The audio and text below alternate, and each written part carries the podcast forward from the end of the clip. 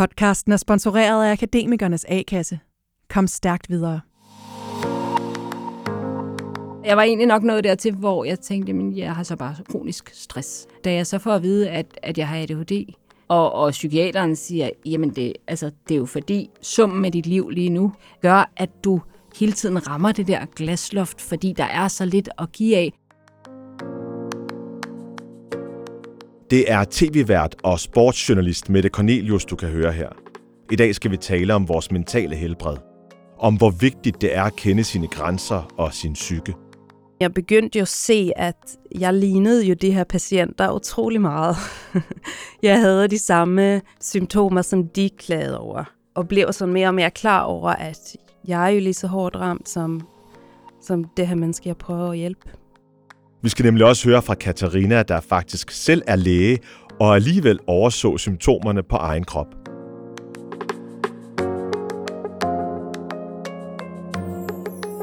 Du lytter til 37 timer, en podcast i fire dele om det moderne arbejdsliv. Vi skifter job og branche som aldrig før, og jeg kan mærke, at jeg langt fra er den eneste, der særligt i disse tider taler meget om work-life balance, fire dages arbejdsuge, hjemmekontor, ambition, motivation og alt det andet, der skal gøre, at man kan se sig selv arbejde i de der gennemsnitlige 40 år. Jeg har delt podcasten op i fire temaer, som jeg selv har brugt utrolig mange, måske lidt for mange, kræfter på i mit eget arbejdsliv. Temaerne er fastbrændthed, ledelse, identitet og ledighed, og i dette afsnit mentalt helbred. Velkommen til 37 timer. Mit navn er Abdelaziz Mahmoud, og om lidt skal du altså høre om en ambitiøs tv-vært, der blev lettet over at få en diagnose. Men vi begynder med Katarina Sandstrøm. En utrolig historie om en læge, der ignorerede sine egne råd. Hej så, hej. Har du, øh, har du nogensinde troet, det ville ramme dig, altså stress? Det har jeg nok ikke været så, hvad skal man sige, fjern fra. altså, jeg har aldrig troet, jeg er sådan særlig robust på nogen måde. Men øh, jeg ville nok, jeg havde nok ikke troet, det ville øh, vare så længe og være så altomfattende, ligesom, så indgribende i mit liv. Og vare i så mange år. Det havde jeg nok ikke troet. Og selvom du ved så meget om det, som du gør? Sådan, sådan er det jo ikke rigtigt, vel? Mm. Altså, man kan sidde inde med en masse faglig viden, men man skal også ligesom praktisere det, det er noget helt andet. Mm. Ja. Prøv at tage mig med tilbage til sådan, øh, tiden inden du kunne mærke det. Hvad er det for et sted, du arbejder på det tidspunkt? Jamen, det er faktisk i min øh, anden stilling som læge, hvor jeg er i en akutafdeling øh, på et større sygehus i Region Sjælland. Det er meget travlt, og jeg er nyuddannet, og man får i virkeligheden bare en telefon i hånden og skal passe den skadestue, den akutafdeling. Øhm, og nogen synes selvfølgelig, at det er meget fedt, men jeg er ikke en af dem, der synes, at sådan noget, den type arbejde, hvor der er meget sådan både høj belastning og, og også altså, risikoen. Hvis man begår en fejl, sådan som jeg har følt det i hvert fald, så var det en, en større konsekvens, end hvis man kom til at scanne forkert vare ind, for mm. eksempel. Mm. Så der begyndte jeg ret hurtigt at mærke, at det ikke var rart at være i. Mm. Og jeg begyndte ret hurtigt at ikke kunne sove. Mm. Og det hjælper selvfølgelig ikke, at man har skiftende arbejdstid, så man også arbejder nat. Så det var der, jeg begyndte at mærke. Så det er, faktisk, det er jo faktisk 8-9 år siden på nu. Altså, mm. øhm, men det var ligesom der, det begyndte. Ja. Og sådan, at, at det satte sig i min krop. Mm. Du arbejder på den her skadestue, og noget sætter sig i dig, ved ja. du i dag. Men øh, hvad er det, der sætter sig i dig så tidligt i, i dit sådan, forløb? Jamen, mit nervesystem ligesom, kan ikke rigtig slappe af på noget tidspunkt. Øhm, og det er meget tydeligt, når jeg ligesom ikke kan sove.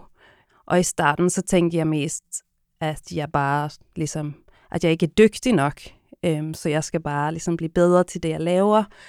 Det, og så stopper jeg der, fordi at man har ret korte ansættelser i starten. Man har ligesom halve års ansættelser, mm.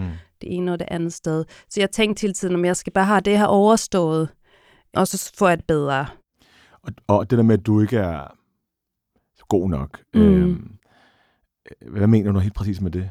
Jamen, at man ikke, først og fremmest, at jeg ikke kan løse den opgave, der ligesom står foran mig, at jeg ikke kan løse den hurtigt nok. Hurtigt nok i forhold til hvad? Altså, der er meget som produktionspres også på et hospital, at man skal have patienten hurtigt videre for ligesom at frigive nogle sengepladser.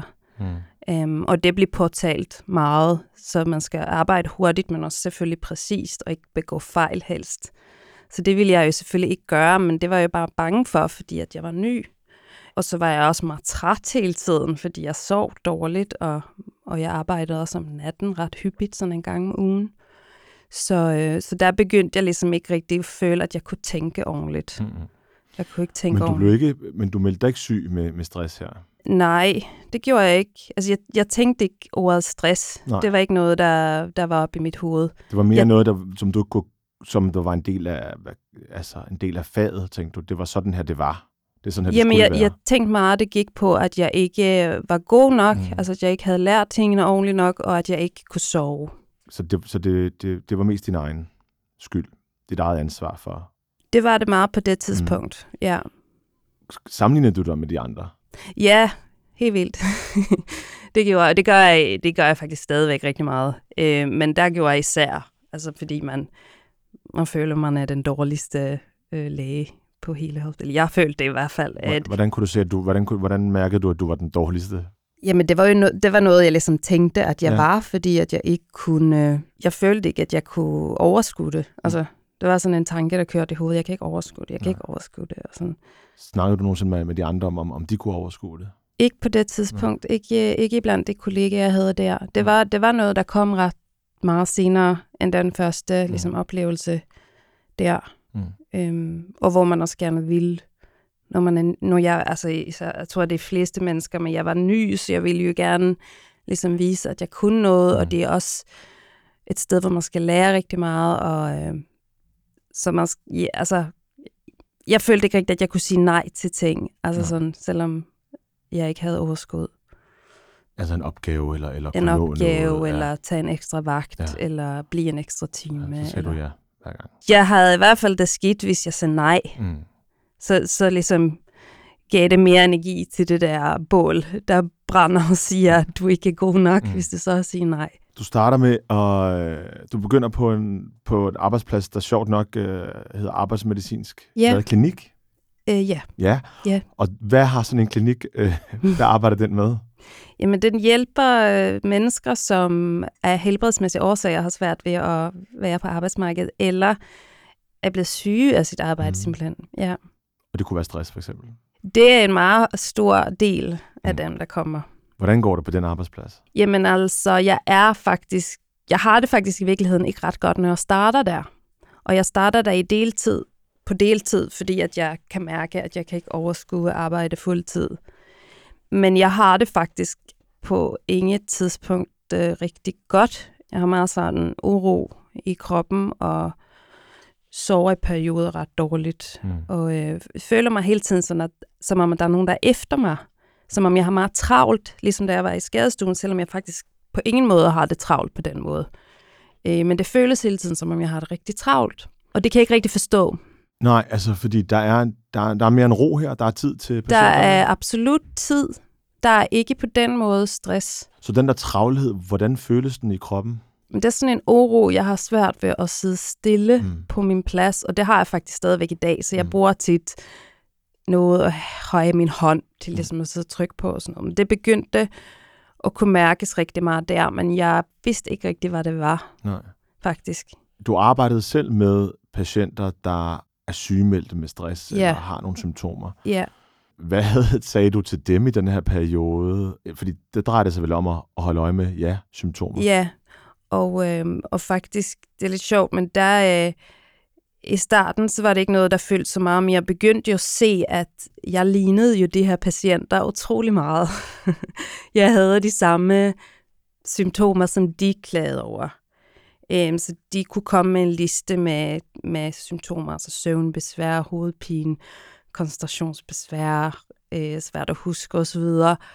Og jeg kunne ligesom ikke genkende til dem alle sammen, hvor at det tit ligesom nærmest blev, at jeg sad og, og sammenlignede mig selv med dem, og, og, og blev sådan mere og mere klar over, at jeg er jo lige så hårdt ramt som, som det her menneske, jeg prøver at hjælpe.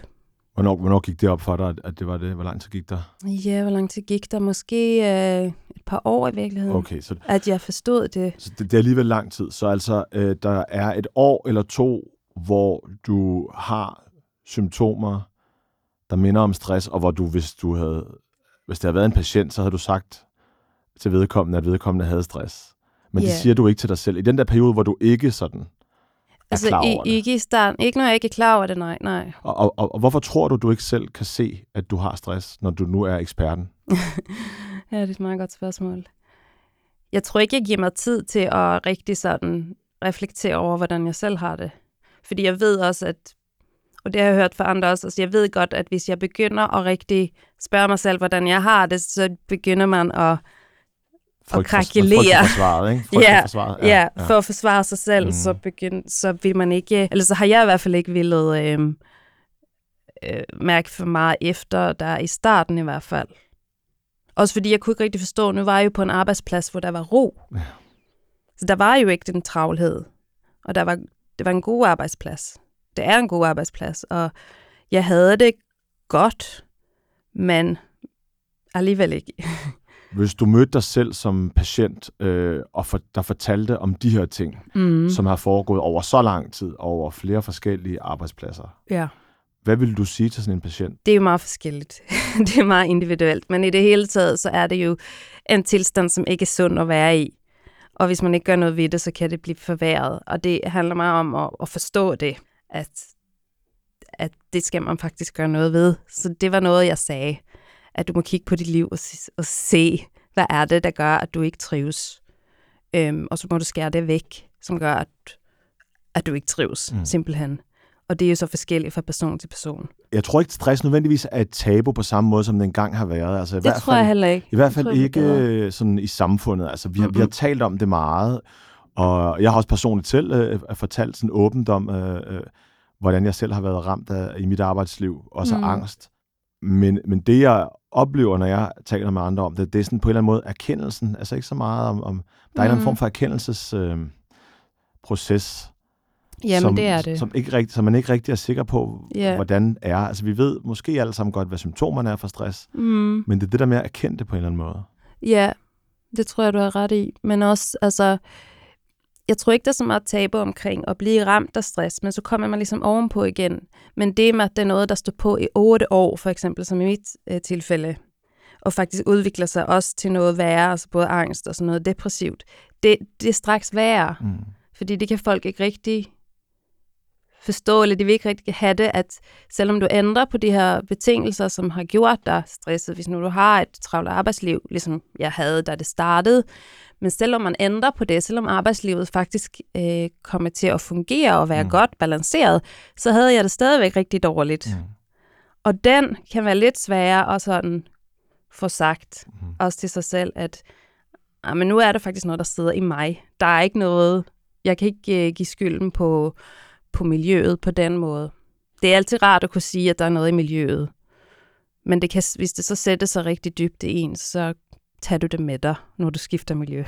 Så du prøver at være et, et, et, et, på en arbejdsplads, hvor der er altså fart på, og, og hvor du ikke selv kan kontrollere øh, forholdene måske. Øh, at du prøver at være et sted, hvor der ikke er fart på, hvor der mm. er tid. Og, og der mærker du også, at det gør noget ved dig. Ja. Kan du prøve at forklare, så hvis du tager sådan øh, fagbrillerne på, og forklare, hvad der sker øh, for dig, hmm. Når du mener, at det sætter sig i dig? Hvad betyder det, at det sætter sig i en? Jamen, med, med fagsprog, så vil jeg sige noget med, at øh, dit nervesystem ligesom har på en måde øh, sat sig fast i et mode. Ja. Ligesom at du hele tiden tror, at der er noget øh, fare på færre. Ja. Altså det er sådan, du kan det her kamp og flygt, du ved, mm. at man hele tiden er på, på dupperne, eller man sådan Mm. føler, at der er nogen, der er efter en, der er en eller anden fare, så man kan ikke helt slappe af, og, og det kunne jeg i hvert fald ikke, og jeg havde altid ondt i musklerne, nakke, skuldre, ryg, hoved, øhm, fordi man er sådan, sådan sidder og spænder, Ja. og har svært ved at trække vejret ordentligt, trække vejret sådan lidt overfladisk, og har svært ved at sove, har jeg haft rigtig meget, og svært ved at koncentrere mig, fordybe mig, fordi det kan man ikke, hvis du er jagtet af en, af en morder, så sidder du ikke ned og koncentrerer dig om at løse en eller anden opgave, så løber du bare. Og sådan har jeg haft det i rigtig lang tid. Det virker vi- vildt. Altså, jeg kan nærmest ikke... Jeg kan, det virker som om, du nævner flere ting, der var galt med dig, end der var i orden. altså, hvordan kan Det du har det over... været i mange år. Hvordan kunne du overhovedet overleve i, i så mange år og have det sådan der?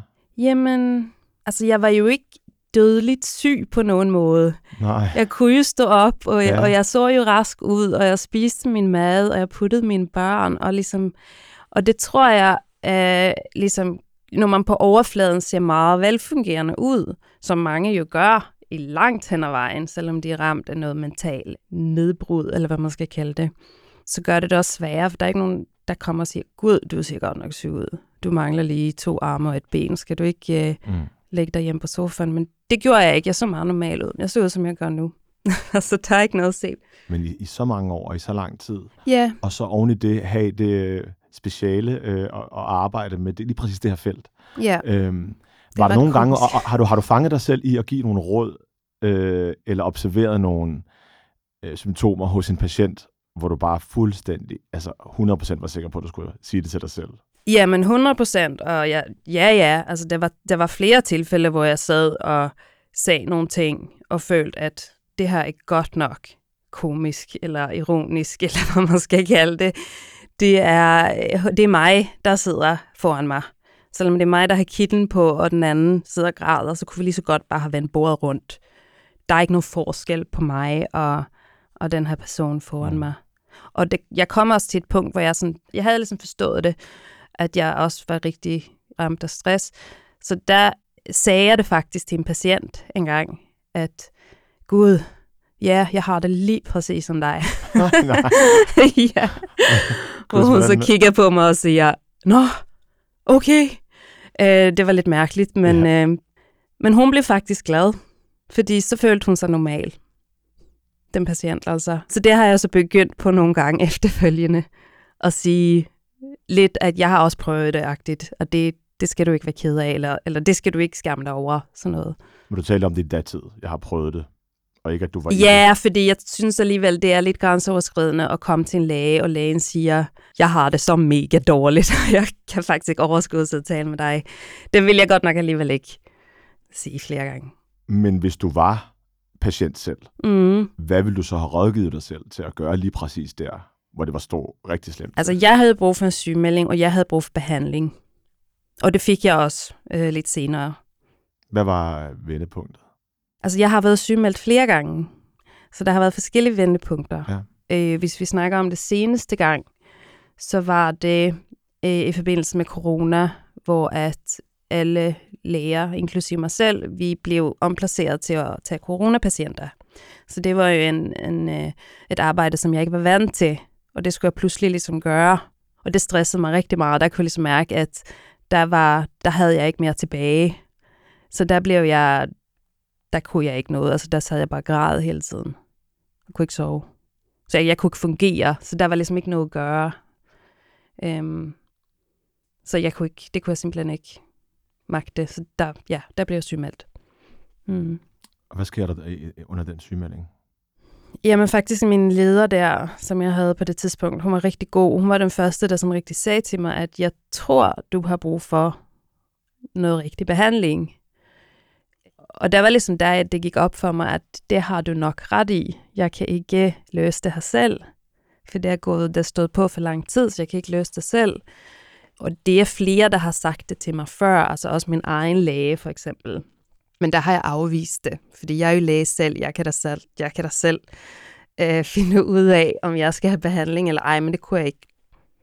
Så jeg, lyttede, jeg har ikke lyttet til min egen læge, men jeg har så lyttet til min leder, som så også var læge, men øh, som jeg følte ligesom kendte mig på en anden måde.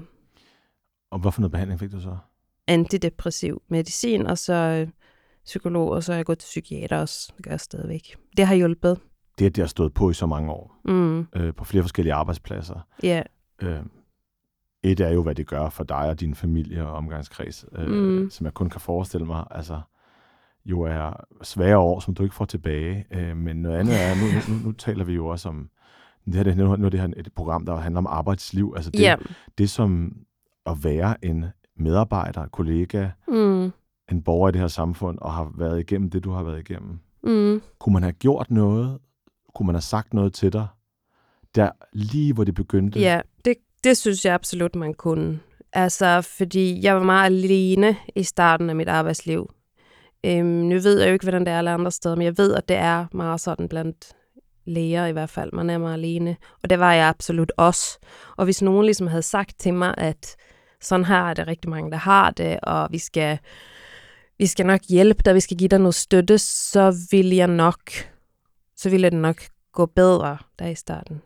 Tror du, nogen så noget dengang i starten? Ja, det tror jeg, men fordi det er også et ret hyppigt problem, så øh, er det ligesom ikke rigtigt. Lukker man øjnene for det? Ja. Ja, for hvad skal man gøre? Skal man Ja. sygemelde halve øh, vagtholdet? Nej, det kan man ikke. Og der er ikke mulighed for ligesom at... Altså nu, nu bliver det mere sådan politisk, og Ja, ja, ja. ja. hvad hedder det, men, men det er jo, der er mange problemer, ligesom mere sådan strukturelle problemer, som, som jo er årsagen i virkeligheden for rigtig mange. Men det lyder som om, det også bliver sådan en selvopfyldende profeti, eller hvad kan man sige? Det er sådan et økosystem, der ingen, ingen vil tage ansvar for. Fordi, Ja, fordi ja. det er jo også det system, der gjorde dig syg, Ja. at, at du tror, at nu, nu, hvor alle andre løber så stærkt, og jeg mm. har svært ved det, så er der noget galt med mig, og ikke med ja, Ja. systemet eller arbejdspladsen, eller hvad det nu kan være. Ikke? Ja, Øhm, så, det gør, så, så det gør dig jo endnu mere syg, at... Ja det, At- det er økosystemet, der er galt. ja. mener jeg. Og så er der selvfølgelig, jeg er sårbar, og det er alle, alle er jo forskellige. Der er Mm. nogen, der er rigtig gode til at håndtere stress. Det er jeg så åbenbart ikke. Men alle skal gennem det samme mølle, så nogen vil blive ramt hårdere end andre. Er du kommet ud af det her? Altså, den akutte stress og de symptomer, som jeg havde dengang, der har jeg ikke mere. Men jeg, men jeg er stadigvæk i behandling. Og jeg tager mine forholdsregler. Jeg arbejder et, et sted, hvor at der er ro på, der er fleksibilitet, og det har jeg 100% valgt, fordi der har jeg brug for. Jeg søgte for nyligt et job, som jeg meget gerne vil specialisere mig i, men da jeg så sagde, at jeg kan desværre ikke tage de her eller mest belastende arbejdsopgaver, jeg kan ikke lave alt andet, så fik jeg det selvfølgelig ikke. Men du har sagt dog højt fra start af. For, Ja, at, for at det du bliver nødt kunne til. trives og kunne være Ja. i det her, så skal jeg arbejde sådan og sådan. Ja, Så det, her, det, det er en af de ting, der har givet dig. En det har form- givet mig helt klart, at jeg, jeg skal ikke øh, havne der igen. Nej. Nej. Og du ved, hvad der kan gøre, for at du havner der igen, lyder det som om. Ja, det ved jeg godt. Fordi det, det er, tror jeg, en af de sådan, vigtigste pointer, jeg i hvert fald selv har gjort mig. Det er det der med, at Ja. man, man får også en naturlighed øh, over for, hvornår, altså, Hvornår er grænsen ligesom? ja, hvornår begynder alarmklokkerne at ringe, og, og, og kogepunktet, altså man skynder sig at hive gryden af inden. Der Ja. kommer en naturlighed der, som man ikke altid kan forklare, ja. men man, man ved i hvert fald, hvad der, mm, øh, hvad der er forkert. ja.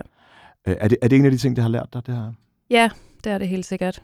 Og også, og ikke, altså jeg skammer mig ikke over det længere, ellers Ja. ja. vil jeg ikke sidde her. Altså, Hvad gør det ikke at skamme sig? Altså, hvad gør det ved din måde at, at, at komme igennem den her proces? Jamen det er, at jeg ligesom ved, hvad, hvad jeg er værd. Altså Mm. jeg, jeg kan være god til ting, selvom jeg måske ikke løser alle opgaver på samme måde, som alle andre gør, fordi jeg har så åbenbart nogle sårbarheder, men det er okay, så kan jeg nogle andre ting. Øhm, så det tør jeg godt sige højt. Øhm, og jeg ved jo også, at jeg ikke er alene. Altså, det, det følte jeg lidt dengang, men det gør jeg jo ikke mere. Jeg ved jo godt, at det er jo noget, stort set alle kender en, som, som virkelig har det svært. Ja. Og hj- hjælper det at, at kende nogen og høre om andre? Ja, det gør det. Nogen, du kan, kan spejle dig i Ja. måske?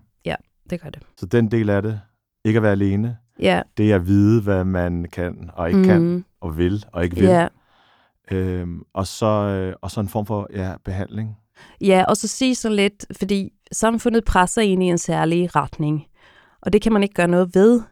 Så man må tage sådan en eller anden skjold på, eller min psykiater siger, at jeg skal tage sådan en øh, magisk kappe. Den, den kan jeg godt lide, fordi den fungerer faktisk. Så tager jeg sådan en magisk kappe på, når jeg føler, at nu bliver der pres udefra. Nu siger lederen det ene, og nogen siger det andet, og politikerne siger det tredje. Men jeg er ligeglad. jeg gør det, jeg har brug for, for at ligesom holde mig selv intakt. Og øh, det, der du lige sagde, kunne du sikkert ikke have sagt til dig selv for otte år siden. Nej, overhovedet ikke. Det kunne jeg ikke. Så hvilke konsekvenser har det, når du så siger det i dag? For du har sikkert frygtet det dengang, at det kan man bare ikke sige. Men, men har, Ja. det, har det kæmpe store konsekvenser at sige fra? Nej, det har det ikke. Altså, det har større konsekvenser at ikke sige fra, men, men jeg, jeg kommer ikke til at tjene det samme som mine kollegaer, fordi jeg bliver aldrig overlæge. Mm. Så det har måske en økonomisk konsekvens, og sådan en sådan ren altså sådan akademisk, øh, karrieremæssig konsekvens. Men i virkeligheden, hvis jeg spørger mig selv, så er jeg også ligeglad med det. Så der er ikke, for mig ikke noget at stræbe efter. Jeg vil meget hellere kunne tage en hel formiddag fri og komme herud. Altså, det, det kan de jo ikke, fordi de sidder i fastlåst i sit kontor, ikke også? Så, Mm. så øh, jeg får noget andet, og det, det er lige så godt. Det er også som om, altså, uanset hvilken faggruppe du tilhører, så er det som om, at der er nogen, ja, som kører en eller anden form for race, mm. Mm. øh, og vi spejler os alle sammen efter dem, i stedet for Ja. gennemsnittet. Øh, Ja, og, og vi kan ikke vide, hvad de går igennem heller, og hvad Nej, det koster for dem, præcis. og om de gør det hele livet. nej. Øh, og eller om de en dag kommer til at sidde her over for mig og fortælle om, hvad det race endte med at koste dem, og de vil ønske, at øh, Ja, de ikke er nemlig. bare der. Hvis vi skal sådan binde sløjf på uh, din Mm. faglighed, og, mm. og, og det, at du lander, og det rammer dig så hårdt Ja. her. Hvad, har, hvad tror du, det har gjort, at du, øhm, at du havde det arbejde der? Altså, at du, godt, at du havde det speciale også, og arbejdede med de her slags mennesker. Altså, var det sværere at indse? Jeg tænker måske både og, fordi jeg ville jo gerne beholde min læge-status og ikke blive patient i stedet for. Altså, det føltes meget mærkeligt, og jeg, jeg følte, at jeg skulle, jo, jeg skulle jo på en eller anden måde klare noget bedre, end den jeg prøver at hjælpe. Mm. Men samtidig har det givet mig en masse viden, som jeg har taget med mig derfra. Så øh, jeg vil sige både og. Altså, jeg synes også, noget af det gjorde, at jeg var god til at vejlede, fordi altså, når jeg var kommet over det værste, fordi jeg, så, øhm, så ved jeg jo, hvordan det er. Jamen, det, det vil jeg også sige, Katarina. Jeg, jeg synes, Ja. det giver mig en lille smule håb og ro, at der sidder en læge, faktisk, der, Ja. der taler på den måde, du gør om det. Ja. Øh, man kan godt mærke, at du både har været igennem det værste, men stadig arbejder med Ja. noget. At du Ja. er ekspert i noget, og samtidig også bare Ja, øh, gerne vil hjælpe andre, ikke? ja og det er også, altså jeg, jeg arbejder i psykiatri, og jeg synes, det giver rigtig meget, øh, altså det er meget meningsfuldt, synes jeg, med de her ledelser, som man ikke kan se på overfladen, fordi det, det er meget svår, svære for, for andre at forstå. Mm. Men jeg, jeg føler lidt, at jeg har en anden forståelse for det, fordi det der med, når sindet ligesom på en eller anden måde Ja. bliver smuldret lidt, Mm. øhm, så er det bare noget andet. Jeg tror, det var en, en fin afrunding her. Er der noget, du gerne ville have vidst dengang for otte år siden? Ja, altså hvis nogen havde sagt til mig, at jeg ville sidde her og tale åbent om det på, i en podcast, det ville, jeg, det ville jeg synes var fedt. Så ville jeg give mig, mig selv et klap på skulderen. Ja, Det får du her med, tak. med tilbagevirkende kraft, fordi det er, det er virkelig, virkelig sejt. Godt gået. Tak for at, at give øh, og fortælle, hvordan det har været for dig. Ja, tak fordi jeg måtte være med.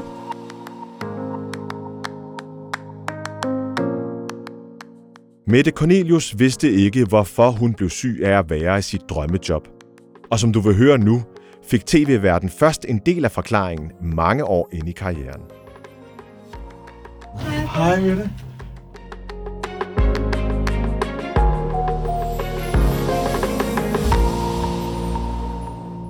Hvornår vidste du, at fodbold skulle være mere end bare en interesse? Det tror jeg nærmest, at jeg gjorde samtidig med, at det blev en interesse, fordi at øh, jeg blev, øh, altså jeg kommer ud af en fodboldfamilie, så det har altid været i mit liv, og jeg har er blevet slæbt med ned på Roskilde Idrætspark hver anden søndag og så videre, men har ikke sådan, var ikke vildt interesseret i selve det, der foregik på banen, tror jeg. Jeg synes bare, det var hyggeligt. Og så, øh, så blev jeg sådan rigtig grebet der i 92, da ja, alle var oppe at køre øh, over EM-triumfen. Øh, var 11 år der, og det er sådan også der, hvor man bygger sin identitet på en eller anden måde øh, de der år. Øh, så der blev jeg sådan fuldstændig vild med det, og tog op til øh, landsholdstræninger, når de var i Danmark og, og træne. Øh, prøvede sådan at lokke veninder med. Der, der var ikke rigtig nogen veninder, der var interesserede, men de var søde nok at tage med alligevel. Og, øh, og der havde jeg det sådan ret hurtigt. Jeg kan jo ikke øh, blive en del af det her hold, øh, lige meget om jeg så gik ud og trænede hver eneste dag og hver eneste time. Hvad kan jeg så gøre? Øh, fordi jeg, jeg var sådan lidt, tror jeg, lidt besat af det, når jeg ser tilbage på det i virkeligheden. rigtigt? Ja, det tror jeg. Og i virkeligheden er det meget sjovt, fordi det forstår jeg nu, efter jeg har fået min ADHD-diagnose, at det er det, man bliver sådan helt hyperfokuseret på mm. noget. Øh, og det har jeg jo ikke vidst. Men det tror jeg i virkeligheden har været det første, jeg kan sådan pege tilbage på, har været et hyperfokus. Øh, men så, øh, ja, så derfor så var det, okay, men så skal jeg enten være sportsjournalist, eller også så skal jeg være øh, pressechef øh, for landsholdet. Det var de to øh, muligheder, jeg så for mig. Så den blev egentlig lagt relativt tidligt, og så har jeg fulgt vejen sådan ret øh, mere eller mindre øh, stringent, måske lige nogle sabbatår, og, og på journaliststudiet synes jeg også lige pludselig alt andet var spændende, altså alt det samfundsmæssige, det politiske osv., men, men jeg røg så i tilfældigvis i journalistpraktik på øh, DR Sporten, som var det eneste sportsmedie, jeg havde søgt, og så var det hele ligesom lagt. Og hvordan var de der første år på arbejdsmarkedet for dig som sportsjournalist? Mm, altså, de var fede.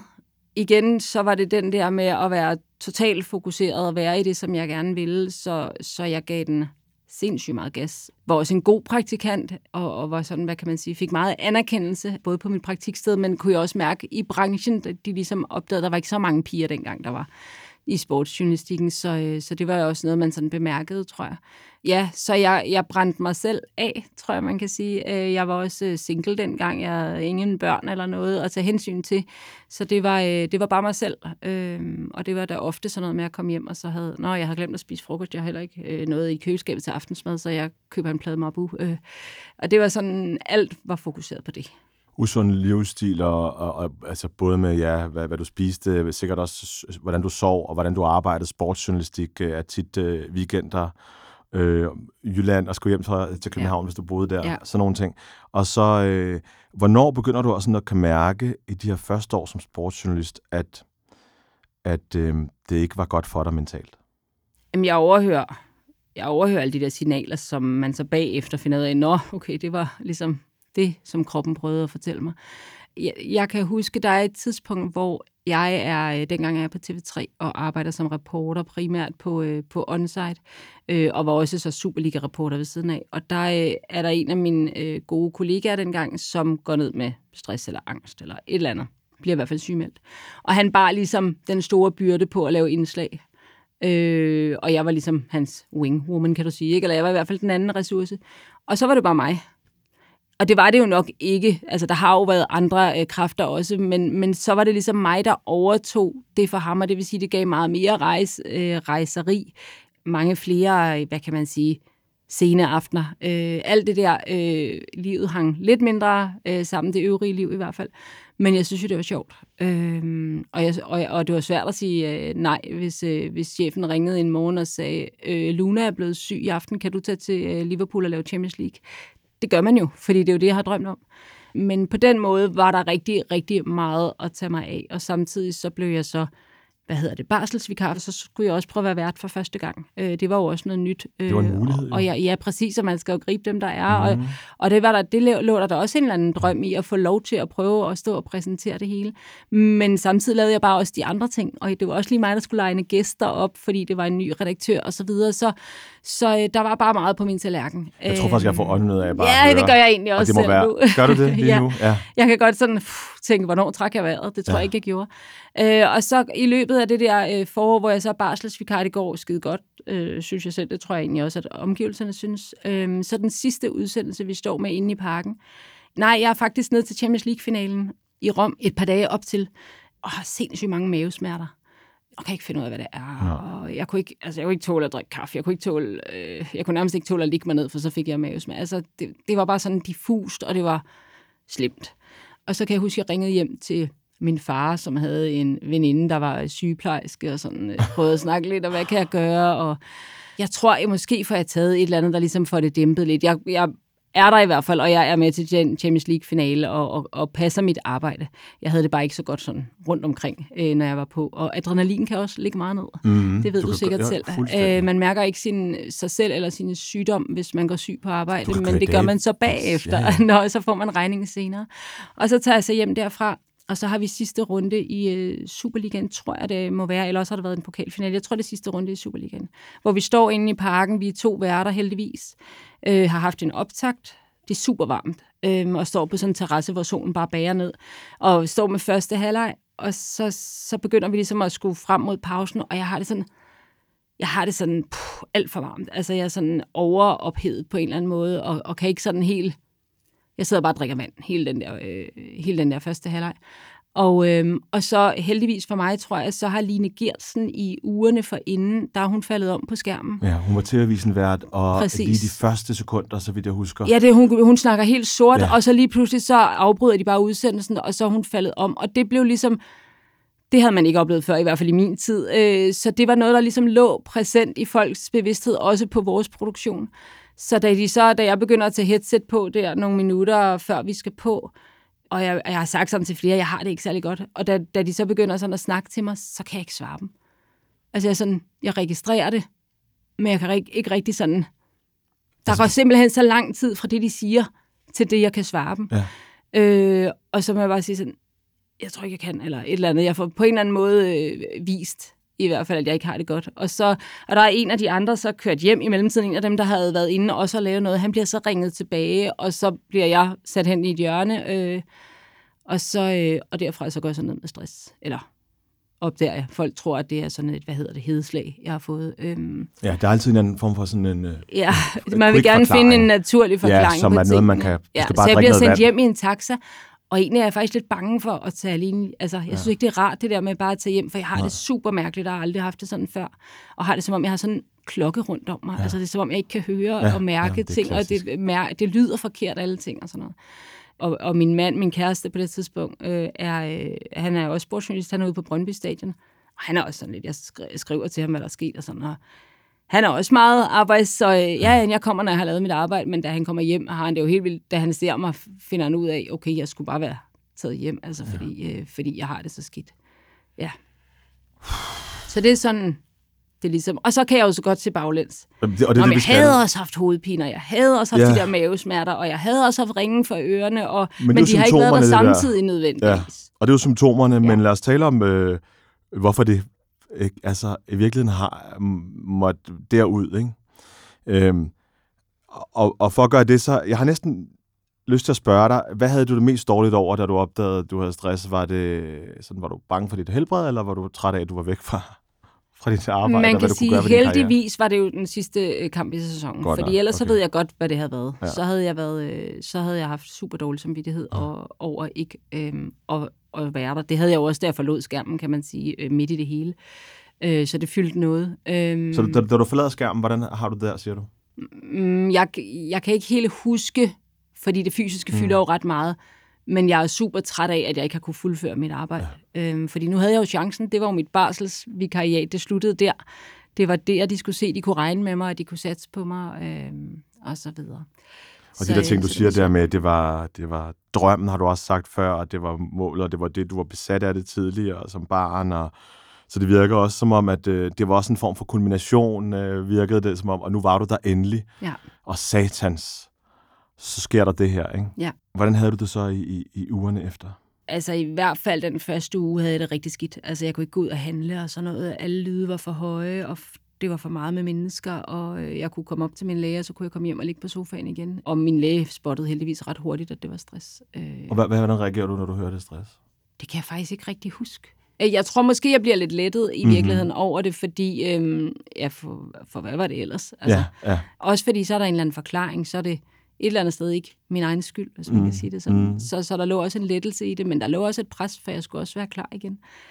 Jeg fik øh, tilbudt psykologhjælp fra arbejdet og så videre, og det var de nu søde til. Øhm, men der går heller ikke, måske går der et par uger, og så får jeg at vide, at hvis jeg kan være klar til den nye sæson, og fra jeg er faldet om der, er der vel været seks uger til den nye sæson, måske fem-seks uger. Hvis jeg kan være klar til den nye sæson, så får jeg lov at være vært på Superligaen. Altså, så endnu en kæmpe mulighed. Det er jo det, jeg har drømt om i virkeligheden. Men det krævede, at jeg kunne blive klar. Men øh, vidste de godt, hvad, altså, hvad du gennemgik? Ja. Ja. Og så siger de alligevel i den proces, super, øh, du passer lige på dig selv, sikkert, men øh, du skal bare vide, der er det her i udsigt. øh, Der var på den ene side og på den anden side, ikke, fordi de hjalp mig. Ja, ja, altså, de stillede ja, ja. det til rådighed, der skulle ja. stilles til rådighed. Og, og når jeg sidder her og kigger på det, meget mere erfaren og meget ældre, kan jeg jo også godt se dynamikken, fordi det var jo den position, de skulle vide, om jeg, om jeg var klar til at tage, fordi de skulle lave en udskiftning. Det ham, der var der, skulle så ikke være der, så skulle jeg jo være der. Så, så, så det, er jo også, det har sikkert også været svært for dem, men det er nok ikke den bedste... Nej. Ja, det ved jeg ikke. Det, det, det blev jo lidt forseret. Måske havde det taget den tid alligevel, men det, men det var... Det var øhm, jeg vidste jo ikke, om jeg kunne... Jeg vidste jo ikke, om isen kunne bære, da jeg gik ud på den, fordi jeg sagde ja til det. Jeg gætter på også, at det, der har været medvirkende til, at du får det, som du har det, altså, og det, det følger du også stillet til udsigt, der er lidt mere af det, hvis det er. Altså, godt nok er det det, du altid ønsket dig, men den fart, du har haft, ikke bare helt fysisk, men i karrieren, Mm. og, og hver gang man når et nyt mål, når man har sådan nogle ambitioner, som du har, så kan det jo virke som en, som en god ting, når man får stillet noget udsigt. Men her virker det jo også som om, at det er, øh, er sådan en ond spiral i virkeligheden. Det havde jo i hvert fald nok været bedre for mit mentale helbred, hvis det, jeg var stillet i. Altså, hvis sæsonen startede efter tre måneder. Så havde det været fint. Så havde jeg kunnet nå at... Hvad vil der ske, hvis du har sagt, hvad med næste år? Mm. Skal vi vente til næste år? Ja, det ved jeg faktisk ikke. Det Mm. tror jeg aldrig, jeg har overvejet. Nej. Altså, fordi det er jo meget, og det ved du også selv fra tv-branchen, det er her nu, mm. muligheden er der. Mm. Og du ved aldrig, hvornår den viser sig igen. Mm. Øhm, så, øh, så den, øh, ja, så det tror jeg faktisk, jo, jeg var bange for, om jeg kunne stå på skærmen igen. Mm. Men jeg kunne ikke sige nej til det. Nej. Altså, jeg har selv i hvert fald været i de der situationer, og, og, og, og også troet, at jeg har lært noget af det. Øh, men kan godt mærke her, hvor, øh, hvor valget er overstået, og jeg havde øh, valg, jeg var både meget arbejdet på, på valget, laver det her program, laver også et andet program, har lige fået en baby, og i virkeligheden siger jeg ikke nej til nogle ting, som, altså, fuck det, om jeg, om jeg er på den rette... Altså, når, når de spørger, kunne du godt tænke dig lidt flere vagter end da, ikke? Altså, det burde jeg jo virkelig sige nej til. Øh, men der er bare et eller andet ja-hat og ambitionsniveau, og sådan noget, og så ringer de til en anden, og ringer de så næste gang, og sådan nogle ting, ikke, som stadig sidder i en. Og nu, og nu kommer ordene pas på dig selv ind i ja, mit lige hoved. Præcis, ikke? Ja, og det gør det nemlig også, når jeg hører på dig. Ja. Altså, når jeg hører det, når jeg ikke har noget i klemme, som når jeg for eksempel hører din historie, så, øh, så har jeg lyst til at gøre, altså lyst til at tage en tidsmaskine selvfølgelig, og lyst til at sige alle de t- rigtige ting til dig. Øhm, hvordan fik du det bedre? Jamen, jeg gik jo som sagt til en øh, psykolog, som, ja, først kom jeg til en, som, som slet ikke altså, hvor jeg slet ikke havde kemi med vedkommende. Og det tror jeg faktisk er en vigtig pointe at sige, at, at man bliver også nødt til, når man så går ind i sådan et behandlingsforløb, at mærke efter i sin mave, om det er rigtigt for en. Så det har været hos ham to gange, så tænkte jeg, det, det tror jeg ikke, jeg kommer til at få det bedre af, fordi okay. vi snakker hele tiden forbi hinanden. Okay. Og så fik jeg heldigvis reageret på det. Fik mm. en psykolog, som jeg så som jeg følte, så mig, mærkede mig, forstod, hvad det var, jeg sagde. Og det hjalp, og så, ja, så bevægede jeg mig ud på isen igen, lige så langsomt. Men, men det, jeg kan huske, da jeg kom tilbage det var den der fornemmelse af at prøve at passe på mig selv, samtidig med at jeg stod der på skærmen. Og der kan jeg huske efter, øh, måske har jeg haft en 4-5 udsendelser, hvor der så er en, en chef, der siger til mig, øhm, du smiler ikke nok på skærmen. Oh, God. Øh, eller et eller andet den stil, du ved, at jeg ligesom, vi skal have mere af dig. Hvor jeg sådan, ja, nå, men når jeg så så det, det kunne jeg godt se, men, men jeg, står, altså, jeg har også lige været igennem det her forløb, så det er også noget med, at jeg lige nu bare egentlig skal overleve, og så bygge stille på. Øhm, men ja, lige så stille lykkedes det jo, og, og, det, og det gik fint. Og, og gaven i, i det der stress, det tænker jeg måske også, du selv har oplevet, det er, at lige pludselig så ved man, hvad det er for nogle symptomer. Øh, altså, så kender man sin krop og sit sind bedre. 100 procent, det bliver et værktøj, altså ja, fuldstændig. Men til gengæld er, er det modsatte af gaven er jo så, at du har kortere til stress igen. Altså, mm. så symptomerne dukkede jo også op. Øhm, hvis ikke jeg huskede mig selv, ja. og ikke, hvis, jeg, hvis ikke jeg mærkede mig selv, og hvis jeg sagde ja til for meget. Og, og til dem, der lytter, så tror jeg, at der sådan, ligesom vil være flere skoler, når de skal sådan prøve at pege på, øh, hvad der gjorde, at du overhovedet havnede der. Altså, øh, nogen vil sige, øh, du har simpelthen været for overambitiøs, for, for, for hurtig, øh, for vild for meget. Og andre det var faktisk sige, en af de ting, jeg lige tænkte på, undskyld, jeg afbryder ja. dig, det der med, at jeg er også et menneske, der jeg gør det, altså 100 procent, det er sådan det mindste, jeg kan gøre. Ja. Det er sådan meget øh, intenst, og jeg har meget store krav til mig selv, mm. og, øh, når jeg er i noget. Så, så, øh, så det er rigtig svært det med at sige, om nu gør jeg det, men jeg passer også på mig selv samtidig. Hvem skal så passe på dig? Altså hvis man skal lede sådan en som mm. dig, mm. sådan en type der, og giver dem muligheder hele tiden, ja. og de, de klarer dem hver gang, ja. øh, øh, og tager imod og, og, og, og leverer, og så giver man dem en ny ting, øh, og, og de siger ja, ikke også, hver gang. Ja og det de, de leverer. Og sådan Hvordan, skal man, hvad skal, hvordan skal man ellers gøre det anderledes end det, de gjorde? Man skal, i, for, i mit tilfælde, øh, og der tror jeg jo så også, igen, nu har jeg jo øh, for nylig fået konstateret ADHD, så nu er jeg jo blevet klogere, nu er der, er der ting, jeg forstår baglæns også. Øh, det er rigtig gode for mig, det er, at jeg har frihed. Mm. At man forstår som chef, altså de gode chefer for mig, det er dem, der forstår, dem, der har tillid til mig, og ved, at jeg leverer, når jeg skal, men måden, jeg kommer derhen på, det er min egen. Så jeg skal ikke sidde på en redaktion øh, eller en arbejdsplads øh, otte timer hver dag, fordi så får man ikke det rigtige ud af mig. Øh, jeg skal nok love at brænde mig selv af, når jeg skal gøre det, øh, og jeg forbereder mig også en masse egentlig, men jeg gør det på alle mulige mærkelige tidspunkter, fordi min hjerne den slår til og fra, og øh, øh, så er den lige pludselig klar, og så kan jeg fokusere dybt øh, to timer, og så kan jeg skrive et helt manus, som hvis jeg sidder på redaktionen, så tager det mig måske to-tre dage, fordi der er så meget uro, ja, og fordi ja. jeg ikke kan være, jeg kan ikke holde fokus i det. Den her stress, det var i 2009, men øh, skal gå sådan cirka 13 år, før du får en, øh, en diagnose ADHD. Ja. Hvad gør det ved dig sådan lige umiddelbart, da du, øh, da du får diagnosen? Det gør i virkeligheden lidt det samme, som jeg sagde med, da, jeg, da lægen sagde til mig, at det var stress, at det gav mig en eller anden, øh, hvad kan man sige, forståelsesramme i forhold til mig selv. øh, som jeg ikke har haft tidligere, hvor jeg bare har dunket mig selv oven i hovedet over. Hvorfor får du nu stresssymptomer? Du, så meget har du heller ikke at lave. Og det har givet mig en større, hvad kan man sige, indsigt i mig selv, men det har også givet mig en større tilgivelse over, ja. over for øh, mig selv, og over for den person, jeg er, og de begrænsninger, jeg øh, nu kommer med. Øh, Tilgivelse. Har du, har du straffet dig selv? Altså, mm, har du været hård ved dig selv? Ja, H- Hvordan? mm, bare ved at stille store krav, og det der med hele tiden at skulle levere til det ypperste. Men hvad er det så, du skulle tilgive?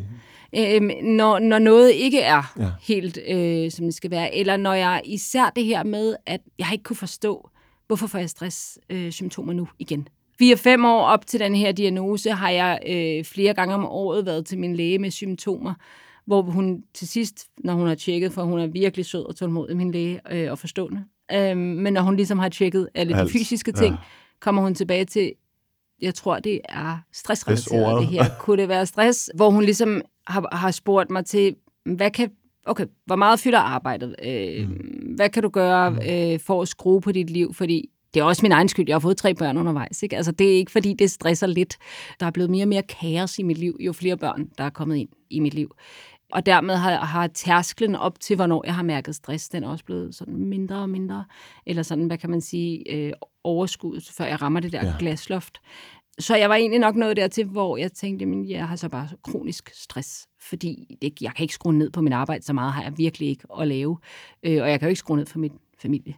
Så derfor, da jeg så, øh, da jeg så får at vide, at, at jeg har ADHD, og, og psykiateren siger, jamen det, altså, det er jo fordi, summen med dit liv lige nu, din familiesituation, dit arbejde, din mands arbejde, din, alt i mit liv, gør, at du hele tiden rammer det der glasloft, fordi der er så lidt at give af. Dengang du var single, og kun havde dig selv at tage dig af, der kunne du godt leve med ADHD. Så kan det godt være, at du fik dårlig aftensmad, eller ikke fik aftensmad, eller du ved, ikke kunne strukturere dit liv, men det gik ligesom kun ud over mig.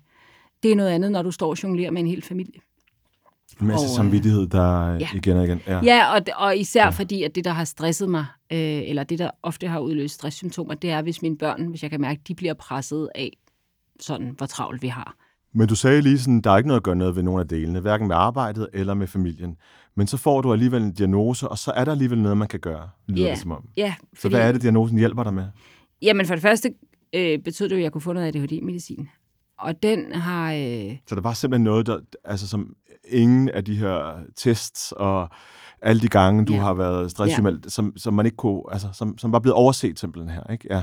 ja, og det tror jeg især som, som kvinde med ADHD.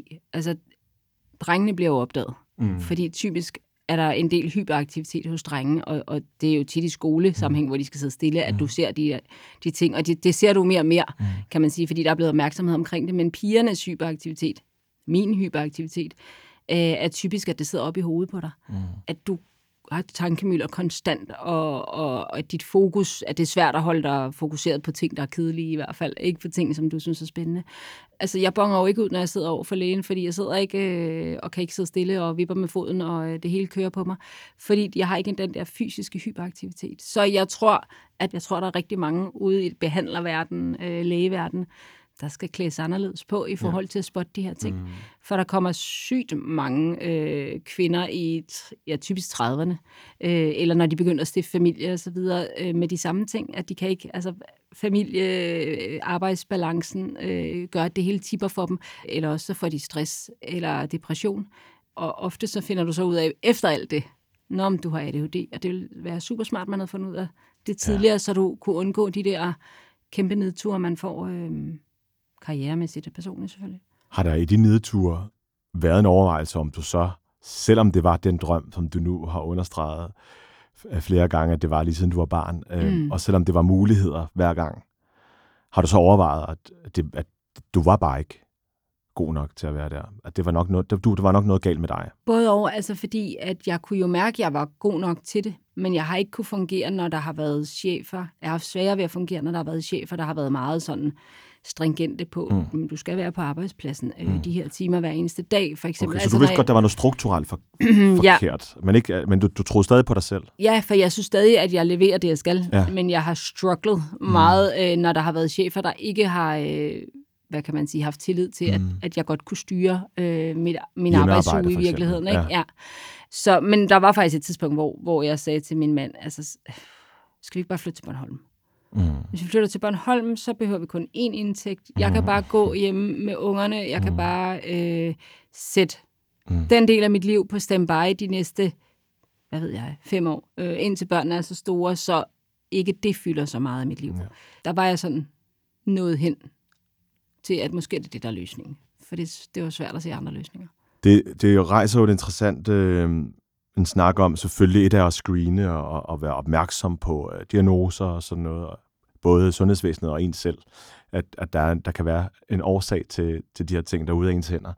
Men også i virkeligheden til, hvordan vi indretter øh, vores arbejdsmarked øh, som kolleger og ledere, øh, arbejdstiden, hvor meget og hvor skal vi arbejde, ikke også? Jo. Øh, jeg synes, det er meget, meget interessant, det der med, at, at 37 timer er sådan et tal, magisk tal, altså som jo, som om det er Gud, der har kommet med det, eller fem dages arbejdsuge, ja. Eller mandag til fredag, ja, eller fri kl. om dagen. 17. Ja. Ja, det der, ikke også? Øh, eller hjemmearbejde leg. Og jeg synes virkelig, øh, at det, det er en dejlig nuance i, at, øh, at uanset faktisk, om du har en diagnose eller ej, at for at vi kan faktisk nå vores mål og være nogle kæmpe store stjerner på vores arbejdsplads, øh, hvis vi lige forstår, hvad det er, vi kommer af hver især. Ja, og altså, jeg tror jo, at de dygtige ledere, eller det er jeg helt overbevist om, det er dem, som tager udgangspunkt i det menneske, de Ja. har med at gøre, for vi er jo alle sammen ressourcer, men Mm. vi er også forskellige personligheder alle sammen. Ja. Så for nogen fungerer noget, for nogen fungerer noget andet.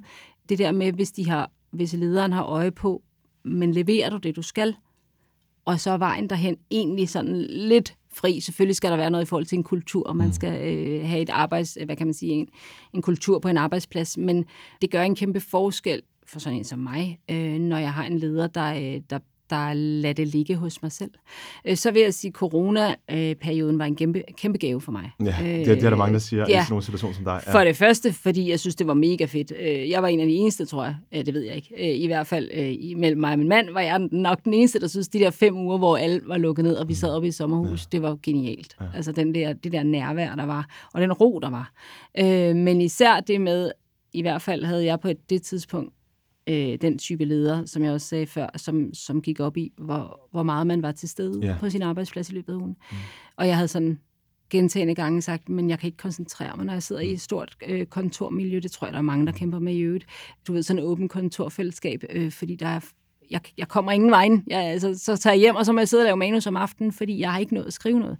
Men det, at, at øh, corona ligesom fik lukket ned og gjorde, at vi måtte øh, arbejde hjemme, og jeg sad i øvrigt, jeg, jeg arbejder jo for et amerikansk firma, så vi øh, var hjemme meget længe i forhold til resten af Danmark.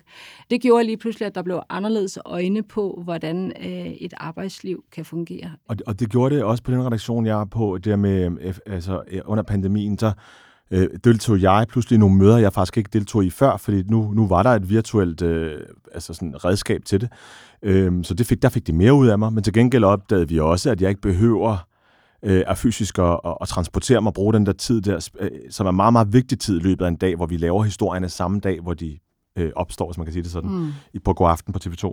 Øhm, øh, og jeg, jeg, jeg, jeg er virkelig sådan stolt af, at min arbejdsplads er begyndt at kigge på, øh, at vi ikke arbejder på samme måde alle sammen, og at, øh, du ved, hvordan kan nogen sige, det larmer, og nogen sige, at de øh, hygger sig, og hvordan kan nogen sige, at de savner kollegerne, og nogen sige, åh, må jeg ikke please blive? Altså, hvordan, Ja. hvordan kan alt det være rigtigt? Ja. Og, det, og det håber jeg, at folk forstår øh, stille og roligt, at, øh, at for at kunne inkludere, øh, for at behandle alle lige, skal man behandles øh, forskelligt, og at i virkeligheden også for at få den diversitet på ens arbejdsplads, altså som jo er så vigtig, om det er køn, øh, seksualitet, øh, etnicitet, men også alder, altså som jeg tror er, bliver det næste, altså at, at vi kan arbejde på en, i mit tilfælde er det en redaktion, men et kontor, hvor der er en 22-årig og en 52-årig, og at de godt kan fungere med alt det, der er uden for arbejdslivet. At, at hvis man ikke er lønførende, så skal det kraftedeme også være sjovt at være på den arbejdsplads, mm. og man skal kunne føle sig ordentligt og godt behandlet. Og det er virkelig svært, og nogle gange er det måske en personlighedstest, man skal lave, eller nogle gange er det bare en snak, men man skal i hvert fald være bevidst, Eller om, hvordan man kommer med. empatiske ledere. Måske er vejen frem, at, at, at ledere ikke nødvendigvis øh, skal være dem, der er gode på bundlinjen. Eller det kan være en type leder, men Ja. der skal også sidde Mennesker. en leder, der er menneskeleder. Mm. Det, det har jeg savnet i mange af mine Ja. ja. jobs i hvert fald. Øhm, fordi det, det tror jeg vil gøre en kæmpe forskel. med sådan et ambitiøst menneske som dig, som har nået så meget, og som jo også gerne vil være en god medarbejder, forestiller jeg mig, Mm. og, og man vil også gerne have flere muligheder. Hvordan er det så at sige højt? Jamen, det er sjovt, du siger det, fordi jeg har faktisk overhovedet ikke overvejet, hvad gør det ved mine muligheder, at jeg siger det her Nej. højt. Måske også fordi, altså, jo ældre man bliver, jo mere øh, familien fylder og så videre, jo sundere et sted lander arbejdet også, i hvert Ja. fald i min bevidsthed. Øh, fordi altså der, den der Ja, og der kommer noget der. andet, øh, ja. der, er, der kommer før. Ikke? Altså børnene er trods alt før arbejdet for mig i hvert fald. Det, jeg ved ikke, om det er sådan et sted. Øhm, men så på den måde har det, er det blevet placeret et bedre sted. Ja. Ja. Plus jeg har fået den der ro omkring, at jeg arbejder på min måde, og det er respekteret, at jeg arbejder på den måde, jeg gør, så længe jeg arbejder så godt, som jeg gør, kan man sige. Så jeg har faktisk slet ikke overvejet, hvad, hvad, gør det øh, ved mit, øh, hvad gør det ved mit, øh, min, min fremtidige mulighed, at jeg siger det her højt. Jeg synes, det er for vigtigt Ja. til ikke at sige det højt. Så må det, så må det gøre det ved mit liv, arbejdsliv, som det lad os sige, du ikke havde børnene, og du faktisk var i den der nyuddannede, ambitiøse, som bare gerne vil have øh, hver eneste mulighed og, og, og sige ja. Vil den Mette Cornelius ture sige det højt? Det er et godt spørgsmål. Fordi vi er også privilegeret mig og dig. Jeg og tror, jeg sagde højt, at jeg havde stress, altså okay. i en anden grad. Men jeg havde jo ikke den platform, som jeg har nu til at gå ud og sige tingene højt, og til at blive inviteret herind, for eksempel. Og det er jo også der, jeg synes, jeg har et ansvar. For nu har jeg platformen, nu har jeg øh, sociale medier, øh, hvor vi nu kan udkomme henne.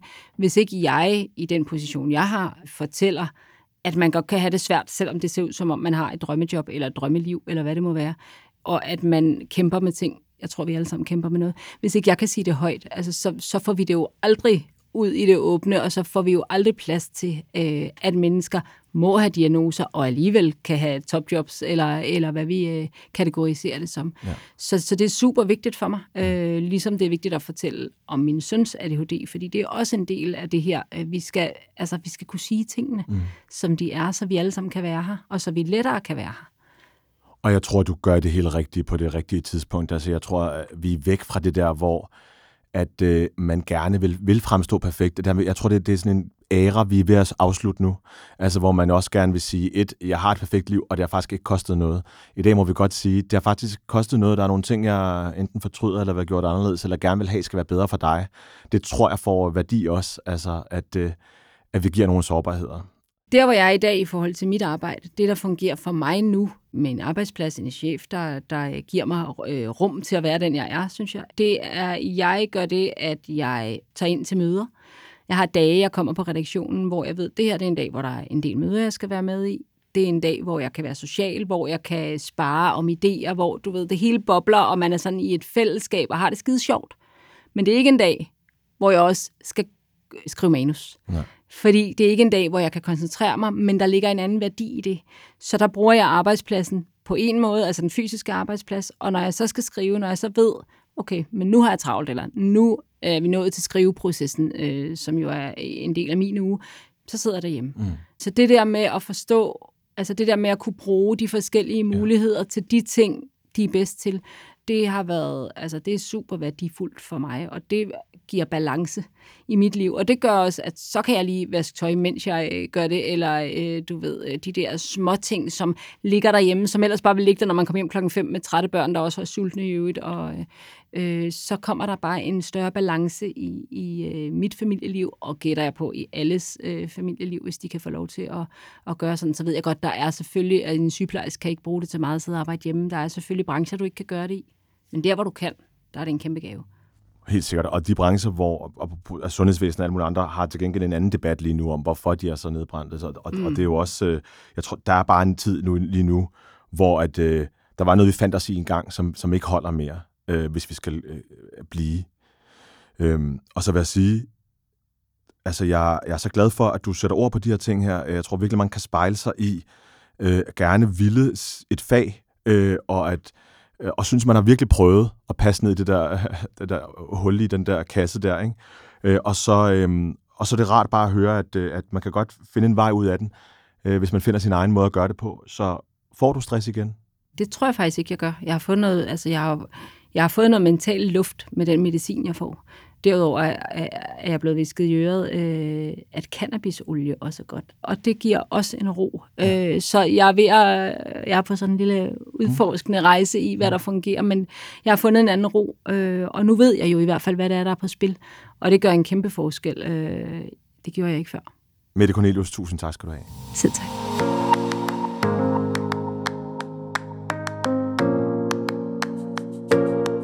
Du har lyttet til 37 timer. En Heartbeats podcast, sponsoreret af Akademikernes A-kasse.